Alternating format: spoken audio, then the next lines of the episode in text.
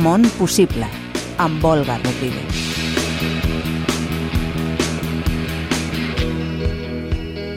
Es pot explicar la vida de les persones a través dels subjectes que posseixen o que van abandonar?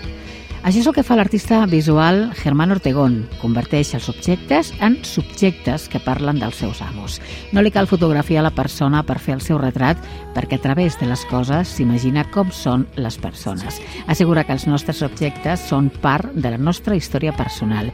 I ell explica aquestes històries. A El espejo de los ausentes, un llibre de fotografia que és molt més que això, ha construït un pont imaginari entre la seva Colòmbia i el desert del Sàhara. Dos conflictes, dos continents continents, dues realitats que tenen molt més en comú del que podríem pensar.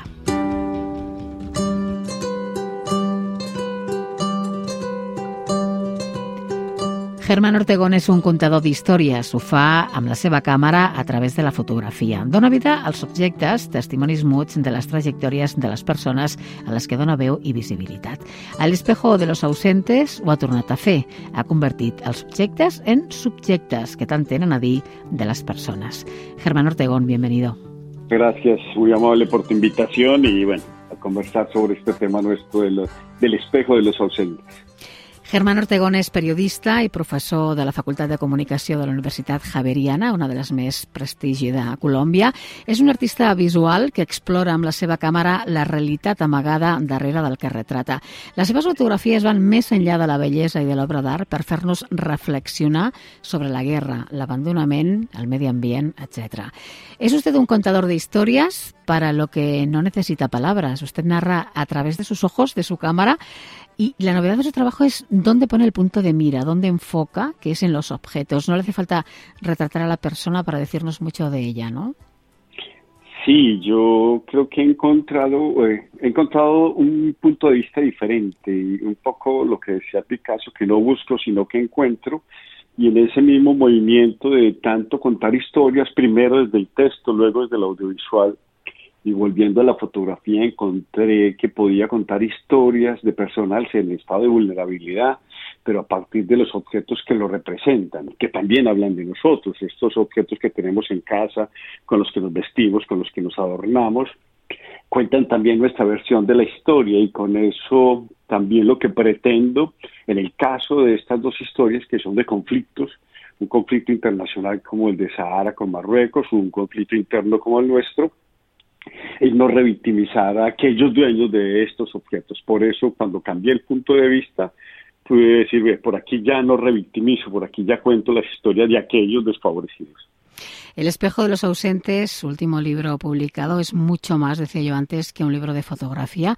Ha tenido ese puente entre su Colombia natal y el Sahara, que usted conoció no hace mucho tiempo, porque tristemente me contaba es un conflicto olvidado del que poco se conoce en Latinoamérica.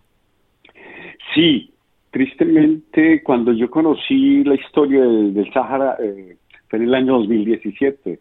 Primero descubro que existe un país que se llama Sahara Occidental, que además su lengua, eh, el idioma cierto oficial es el castellano y que había sido parte de la colonia española pero no sabíamos que habían pasado 17 años en guerra, ¿cierto? Eso para nosotros era desconocido. Entonces también para mí fue como, ve, tengo que ir a ver qué es esto, una guerra que jamás se había escuchado en los medios de comunicación. Y yo que trabajo en medios de comunicación nunca había escuchado este tema. Entonces me llamó muchísimo la atención venir a ver qué era eso y cómo es un tema del conflicto en el, en el desierto, cómo es que se viven en campos de refugiados, cómo las familias intentan reconstruir un país desde los campos de refugiados. Y por eso me me integré no solamente en los campamentos de refugiados de, de los saharauis, sino que también después eh, tuve la fortuna en 2018 de entrar a los que, lo que llaman ellos los territorios liberados. ¿Cómo se establece ese paralelismo entre el Sahara y Colombia, tan lejanos, pero a la vez mucho más cercanos de lo que podríamos pensar? Sí, yo encontré dos elementos, dos elementos, no, dos, varios fundamentales, pero el primero era que, una, que un país musulmán tuviera ah, el habla castellana, eso me pareció impresionante. Y cuando llegué a los campamentos y fui atendido y recibido por las familias saharauis, descubrí varias cosas que eran fundamentales. Uno, la importancia de la familia dentro de los saharauis, que para nosotros los colombianos y los latinoamericanos, la familia es fundamental, ahí es donde converge todo. Dos, el ritual, el ritual del té para los saharauis y para América Latina y en el caso de los colombianos, siempre estamos detrás de un café. Un café es la excusa para conversar, para estar con los amigos, para construir relatos y eso pues pasaba aquí. Yo creo que esos dos elementos nos parecían, me parecían fundamental y eso nos unía, pero también nos unía una cosa que para mí era eh, gratamente sorprendente, el hecho de que las estadísticas hablaban de cero violencia contra la mujer eh, y en mi país hay una violencia altísima contra la mujer y sin embargo la mujer sigue siendo el elemento fundamental o el eje de la cultura. Entonces eso también me parecía que nos unía. Y el conflicto, porque decía, pues este es un conflicto internacional, nosotros tenemos un conflicto interno que lleva más de 60 años y dije, pues voy a mirar estos dos conflictos a ver cómo es. Y tienen mucho en común. Germán, ¿qué es el espejo de los ausentes y cómo se gesta? Mira, el espejo de los ausentes es una apuesta narrativa donde quiero dialogar primero entre tres continentes. Hay un tercer continente que está ahí en medio, que es Europa, en el caso de España, eh, África y Colombia. Y este ejercicio eh, lo planteo en este diálogo de cómo los objetos representan a cada una de nuestras culturas. Y cuando digo que lo representan, que lo decía al comienzo, pues me planteé, venga, y si en este cambio de postura o de posición empezamos a contar historias diferentes y entonces estos objetos yo los vuelvo sujetos, como decíamos al comienzo, el objeto me habla de una persona que no está ahí, que teóricamente está ausente, pero también está omnipresente, ¿cierto? Ese objeto no veo a la persona, pero está ahí. Eh, esta idea surgió más o menos en el año 2019, cuando dije, si tenemos todo esto en común, ¿por qué no a partir de la fotografía hacemos ese diálogo? Y ese diálogo está planteado lo que llamamos en comunicación un multirelato. Lo que hice yo fue coger eh, alrededor de 3.500 fotografías que, que con, que conversaban entre el Sahara y el conflicto colombiano, no solamente de las FARC, sino también del campo colombiano, el abandono. Y en este libro tenemos lo que dejó la guerra también con Marruecos en el desierto y cómo viven los saharauis en los territorios liberados, pues como pastores y todo este elemento.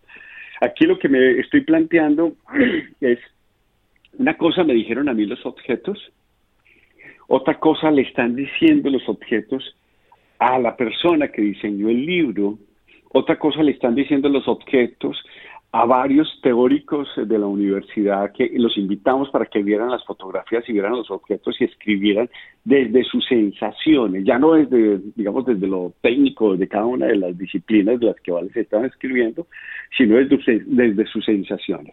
Y a partir de ahí, con los, eh, lo que llamamos nosotros los pares externos, que es gente que no trabaja dentro de la universidad, que analiza todo lo que estamos planteando, ellos se proponen que trabajemos solamente con dos textos y con las fotografías pues, que ahí habíamos elegido. Ahí ya teníamos un diálogo muy diferente porque yo también les decía una cosa, las historias que ellos estaban viendo no son las historias que yo viví y tampoco seguramente son las historias de los objetos. Y luego se planteó otro diálogo con la misma diseñadora que lo que hacemos con la diseñadora es que nos diga cómo hablan esas imágenes con ella. Y luego hablamos otro diálogo y ese diálogo dice entonces cómo hablan las imágenes y los textos con el papel, con qué tipo de papel. Y también hubo otro diálogo pues ahí. Y el último diálogo que, que también nos interesa pues desde la academia y también desde mi propuesta artística es el diálogo que tiene el espectador ya con las fotografías desde el libro, ¿cierto? Entonces a partir de ahí tenemos varios relatos y esos relatos pues hacen parte también de la historia de los personajes, pero a partir de nuestra historia personal y creo que ahí es donde logramos conmover hasta con dolor, porque finalmente las observaciones de algunos espectadores es que son fotografías muy bellas, pero lastiman, lastiman, ¿cierto? Lastiman mm. finalmente nuestros sentidos. Y esa es la apuesta. Y es el espejo de los ausentes, porque yo creo que para mí la fotografía es el espejo donde se refleja aquello que atormenta e ilumina mi espíritu. Y aquí esto también me atormenta, ¿cierto? Como ser humano me atormenta el hecho de que tengamos estos conflictos, que en el caso nuestro, pues, que nos sigamos matando en Colombia. Entonces ahí quería reflejar, ¿cierto? reflejo a partir del espejo que es un objeto, ¿no?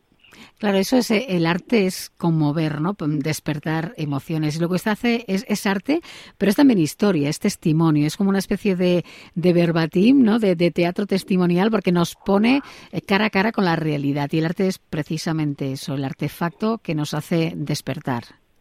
Sí, sabes que ahorita que, lo estás planteando, o hago mías también las palabras de Paco de la Zaranga, director de teatro español, que decía que el buen teatro no, no gusta, duele. Y creo que también eso es la, esa es la búsqueda, ¿no? Sensibilizar, despertar, que duela, pero una cosa que también se vuelve fundamental y es memoria. Siempre que hablo del libro les digo que el 90% de, las, de los elementos, de los objetos que están en el libro ya no existen digamos, todo lo que está eh, en la serie, lo que tenemos de, de, las FARC, de lo que tenían las FARC en, cuando estaban en la guerra y abandonaron cuando fueron el proceso de paz, eso ya no existe, eso fue quemado por las, por las guerrillas. Muchas de las cosas que fotografié en el desierto ya no existen porque sabemos que las arenas las van moviendo, las van tapando, las van destapando, que seguramente ya no existen, ¿cierto? Pero sí la idea es, es un ejercicio de memoria, por eso creo que también se vuelve fundamental esta serie este libro, porque un ejercicio de memoria en África y un ejercicio de memoria en América, en este caso en Colombia. Vamos a hablar de Colombia precisamente, siete años después de la firma del acuerdo de paz. ¿Cómo está el país ahora mismo? Porque de paz precisamente no podemos hablar. Sí, tristemente eh, el país, eh, cuando las FARC eh, firman el acuerdo de paz, un segmento de, los combatientes que decidieron no firmar y ese segmento pues están otra vez, están en diálogos, pero tristemente pues uno cuando está en, los territorios, lo que decimos nosotros los territorios, que son estas eh, poblaciones que están más allá de las ciudades capitales, vuelve a tener sobra, las matanzas, siguen, volvieron a aparecer las matanzas, las extorsiones con campesinos. Entonces, se vuelve triste. Creí en su momento que lo que iba a hacer con el libro fotográfico era un ejercicio de memoria y tristemente pues que memoria para lo que pasó, pero ahorita creo que la cosa, esperemos que no, la cosa está retomando otra vez fuerza. ¿Cómo era eso de que, me, contaba el otro día en la presentación de su libro precisamente, que se necesitan 50 años más para cerrar el proceso? Un poco lo que se analiza, lo que dicen los, eh, los históricos, que los tiempos históricos eh, se mueven entre 50 años. Entonces, si nosotros estamos, eh, empezamos en 2016, 2015, los primeros acercamientos, bueno, mucho más atrás van los primeros acercamientos de los diálogos, con la guerrilla, pero nos empezamos a sentar en 2016 y ellos plantean que para tener esa paz completa debe pasar alrededor de 50 años. Entonces es, es una paz imperfecta lo que estamos en este momento trabajando. Todas las paz son, las paces son imperfectas. Pero lo que creo es que nos falta tiempo, uno reconocernos, saber quiénes somos, dónde estamos, con quiénes que dialogamos, con quién fue que luchamos, ¿cierto? Porque también detrás de los excombatientes hay seres humanos, hay historias durísimas, muy vivas, pues cuando digo muy vivas y muy duras es porque pues también trabajé y conversé con muchos de ellos en algunos documentales, entonces uno dice, claro, sanar eso no es tan fácil, es gente que estuvo 40 años en, el, en la guerra, ¿cierto? Es gente que nació en la guerra y sigue en la guerra, entonces no es tan fácil. Por eso los historiadores hablan de un tiempo histórico de 50 años para que nosotros podamos llegar a alcanzar esa paz total. Gustavo Petro, el presidente de Colombia, ¿qué está haciendo y sobre todo qué puede hacer, si puede hacer algo? Porque eh, a veces nos preguntamos quién manda realmente en Colombia, ¿no? Hay unas fuerzas un poco oscuras, ¿no? Tristemente siempre lo hemos dicho en Colombia, nunca sabemos o nunca hemos sabido desde dónde se nos, desde dónde se dispara, desde dónde se desaparece, si es la izquierda, la derecha, la ultraderecha, está de todos lados. Yo creo también que en este caso lo que el presidente Gustavo Petro está buscando es eso, la paz total. Y no es fácil, y no es fácil también por lo mismo que hablábamos ahorita, porque hay demasiados dolores, hay gente que no ha curado todos esos dolores, no es fácil curar, algunos perdonan, pero no olvidan, entonces creo que no es fácil. Pero yo lo que tengo que reconocer también como ciudadano y como colombiano es que hay que hacer todos los esfuerzos posibles por llegar a la paz. Seguro que, insisto, no va a ser fácil, no, no sé, no creo que lo logre ahorita, pero si todos seguimos insistiendo como sociedad, hay que buscar la paz, seguramente que llegará el momento en que tengamos una paz. Germán Ortegón seguirá inmortalizando con su cámara la historia de Colombia y de otras partes del mundo, como ha hecho con el Sáhara, y nosotros le esperamos aquí siempre que quiera para que nos lo venga a contar. Oiga, muchísimas gracias a ti por la invitación y sí, la idea es seguir eh, dejando huella, ¿cierto? Y el arte nos sirve para eso, para marcar huella y bueno, seguiremos y cada vez que tengamos la posibilidad de volver a España a contar qué es lo que pasa al otro lado del mar, pues estaremos por aquí encantados. Muchas gracias por tu invitación. Germán Ortegón, un abrazo. Muchas gracias.